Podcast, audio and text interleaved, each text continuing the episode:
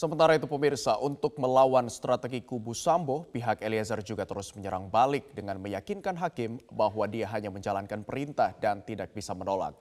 Pihak Eliezer menghadirkan saksi ahli, ahli hukum pidana Albert Aries yang menurut Albert, orang yang disuruh melakukan tidak memiliki kehendak untuk melakukan kesalahan atau perbuatan pidana. Menurut ahli, apakah pejabat atau petinggi yang memberi perintah kepada bawahannya untuk menembak atau membunuh dapat dikategorikan sebagai pihak yang menyuruh melakukan atau downplagger. Iya, kalau kita lihat dari kapasitas uh, penyertaan tadi, beberapa bentuk ya uh, dari penyertaan tadi, maka yang paling relevan adalah menyuruh lakukan karena menyuruh itu berarti kan bisa berupa perintah atau instruksi yang dilaksanakan oleh orang yang tidak sesungguhnya tidak bisa dimintakan pertanggungjawaban. Baik itu karena pasal 44 atau 48 ada daya paksa atau karena 51 KUHP. Jadi dalam konteks yang tadi lebih tepat yang menyuruh melakukannya? Iya, karena caranya tidak dibatasi okay. dan juga orang yang disuruh lakukan tadi tidak bisa dipertanggungjawabkan hanya hanya karena dia merupakan seorang alat. Baik, terima kasih. Lalu di mata hukum saudara ahli, bagaimana kedudukan bawahan yang melakukan perintah atasannya untuk melakukan penembakan tersebut? Baik. Jadi kalau kita lihat di pasal 51 yang dihapuskan adalah elemen melawan hukum dari pelaksanaan perintah jabatan yang dilakukan oleh uh, si penerima perintah. Tetapi dalam pasal 55 dalam kaitannya dengan penyertaan dan perluasan pertanggungjawaban pidana, orang yang disuruh lakukan itu sesungguhnya tidak memiliki kesalahan, tidak memiliki kesengajaan, tidak memiliki kehendak untuk melakukan suatu perbuatan pidana. Baik, terima kasih saudara ahli. Jika demikian, kalau si bawahan itu hanya sebagai alat, pertanyaan kami, apakah dia dapat uh, apakah dia tidak dapat dituntut pertanggungjawaban pidana atau apakah ia dapat dibebaskan dari pertanggungjawaban pidana? Apakah ahli bisa menyampaikan asas atau dasar hukum terkait hal tersebut? Iya, karena yang disuruh ini tidak dapat dipertanggungjawabkan dan tidak ada kesalahan di dalamnya, maka mohon izin majelis menggunakan bahasa Latin, Qui mandat ipse vesice videtur. Siapa yang memerintah dianggap telah melakukannya sendiri. Baik, saudara ahli, kami ingin memperdalam hal ini.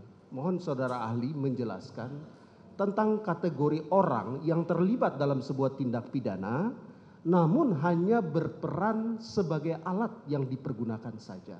Apakah itu hanya untuk orang gila atau orang yang dibawa todongan senjata saja atau ada kondisi lain yang dapat membuat orang itu dapat dikategorikan hanya sebagai alat. Mohon penjelasan saudara. Iya, eh, dengan singkat saja karena tadi saya sudah eh, jelaskan di awal, pasal 44 itu adalah antur kening fatsbarhet karena keadaan jiwanya dalam pertumbuhannya itu terganggu atau terganggu karena penyakit. Dia kayak on the weakling atau cyclic storing, merupakan alasan pemaaf.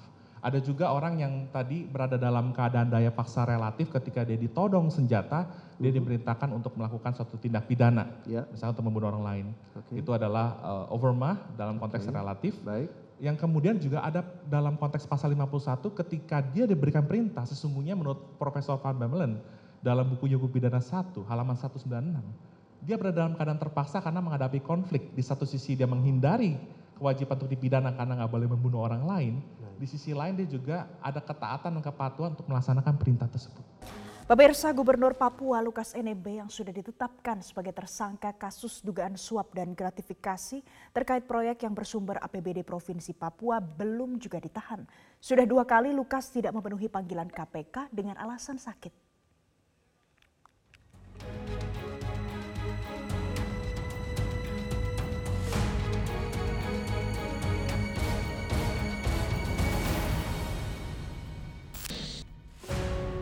Lembaga anti rasuah resmi mengumumkan Gubernur Papua Lukas NMB sebagai tersangka kasus dugaan suap dan gratifikasi terkait proyek yang bersumber dari APBD Provinsi Papua. Diketahui sudah dua kali Lukas NMB tidak memenuhi panggilan KPK lantaran beralasan sakit.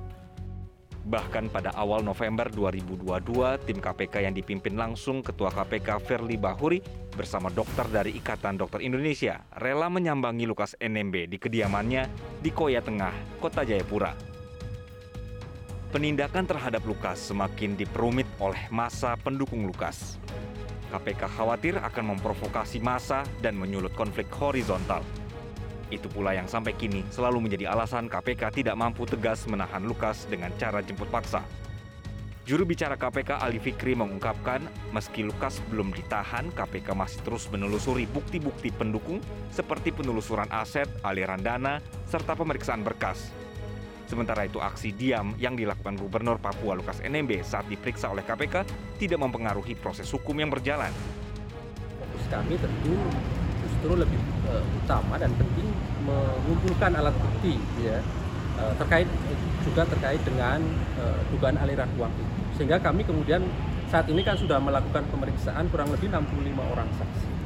Kami lakukan uh, pemeriksaan saksi dan juga penggeledahan. Ya, tentu semuanya dalam rangka upaya untuk menelusuri dugaan uang yang diterima oleh tersangka.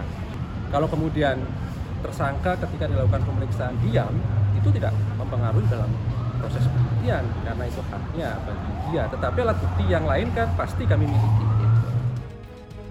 Berbeda dengan tersangka Lukas NMB yang masih bisa menghirup udara bebas, bahkan sempat meresmikan kantor Gubernur Papua, usai memeriksa PAT Tabi Bangun Papua, Riyato Nolaka, KPK langsung melakukan penahanan.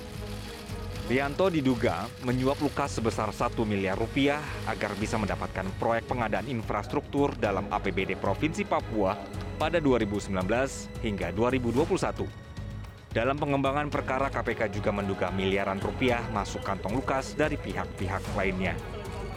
Perwakilan Aremadia bersama keluarga korban tragedi Kanjuruhan dan tim hukum mendatangi kantor staf presiden untuk menggelar audiensi.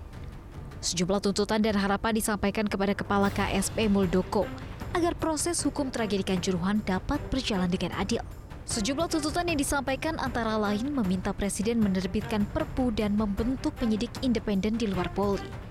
Aremania juga meminta pemerintah mendukung laporan baru yang dibuat Aremania yang memuat pasal 340 dan 338 KUHP dalam tragedi Kanjuruhan. Laporan ini berbeda dengan laporan yang ditangani kepolisian yang sudah masuk ke pengadilan. Dalam perkara tersebut, tragedi Kanjuruhan disebut sebagai kelalaian dan kealpaan dan masuk dalam dugaan pelanggaran pasal 359 KUH Pidana. 135 nyawa hanya didakwa dengan 35 semingal karena kealpaannya menyebabkan orang mati. Makanya kita mohon kepada Pak Muldoko, kepada Pak Presiden Jokowi, tolonglah terbitkan perpu penyidik independen di luar Polri karena Polri sudah tidak objektif. Ya sudah banyak kepentingan. Mas Mas Joko bilang tadi laporan model B kita biasa kalau keluar LP itu langsung penyidikan. Ini kembali lagi ke penyelidikan. Ini ada apa? Kemudian juga korbannya hanya eh, terdakwanya hanya medel tingkat tengah. Mana intelektual dadernya, aktor intelektualnya, dalangnya, eksekutornya yang nembak ke tribun. Sementara itu orang tua korban tragedi Kanjuruhan turut menagih janji kepada Presiden Jokowi. Mereka berharap kasus tragedi Kanjuruhan segera tuntas bilang ke Pak Muldoko tolong sampaikan dan saya menagih janji kepada Pak Jokowi yang mau membantu menghukum para pelaku-pelaku pembunuhan terutama anak saya dan khususnya Aremania yang ada di Kanjuruan. Ya, semoga ini segera bisa dihukum seberat-beratnya dan uh, mereka bisa mempertanggungjawabkan perbuatan mereka yang telah membunuh saudara-saudara saya Armania yang ada di Kanjuruhan. Kepala Staf Kepresidenan Muldoko memastikan akan segera mengundang pihak Kejaksaan Agung dan Kepolisian dalam rapat koordinasi terkait kelanjutan proses peradilan tragedi Kanjuruhan. Ini saya akan mengambil langkah-langkah untuk rapat koordinasi untuk oh, melihat perkembangan hukumnya, kasus hukumnya ini sudah sejauh mana dan harus diakselerasinya, diakselerasi seperti tuntutan teman-teman di lapangan seperti apa sehingga nanti nyambung antara harapan dari para korban langkah-langkah hukum yang telah dilakukan oleh eh, teman-teman kita di aparat penegak hukum.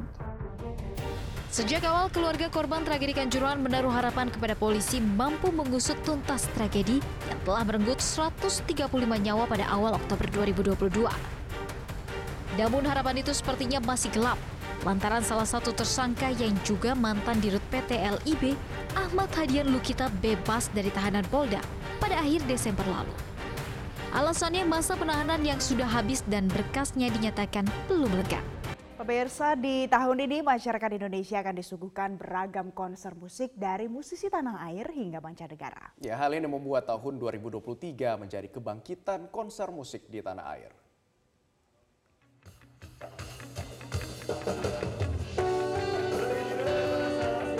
Pandemi COVID-19 yang melanda dunia dalam dua tahun terakhir berimbas pada lesunya ajang seni pertunjukan termasuk konser musik. Namun, pada pertengahan 2022, pemerintah Indonesia mulai mengizinkan diselenggarakannya pertunjukan musik. Momentum tersebut membuat acara konser atau festival musik mulai diselenggarakan. Pengumuman bahwa dicabutnya PPKM membuat konser musik semakin menggeliat di tahun 2023. Sejumlah konser besar dari musisi tanah air hingga mancanegara akan diselenggarakan tahun ini. Mulai dari konser Sheila on Seven Tunggu Aku di Jakarta hingga konser Blackpink yang bertajuk Born Pink World Tour Asia akan mewarnai pertunjukan musik di tanah air. Tidak ketinggalan, festival-festival musik yang menghadirkan ratusan musisi juga akan disuguhkan di tanah air. Mulai dari festival musik metal, Hammer Sonic, hingga festival lintas genre seperti Pesta Pora atau Synchronize Fest. Namun, meski PPKM dicabut, masyarakat serta penyelenggara diharapkan untuk tetap mematuhi protokol kesehatan.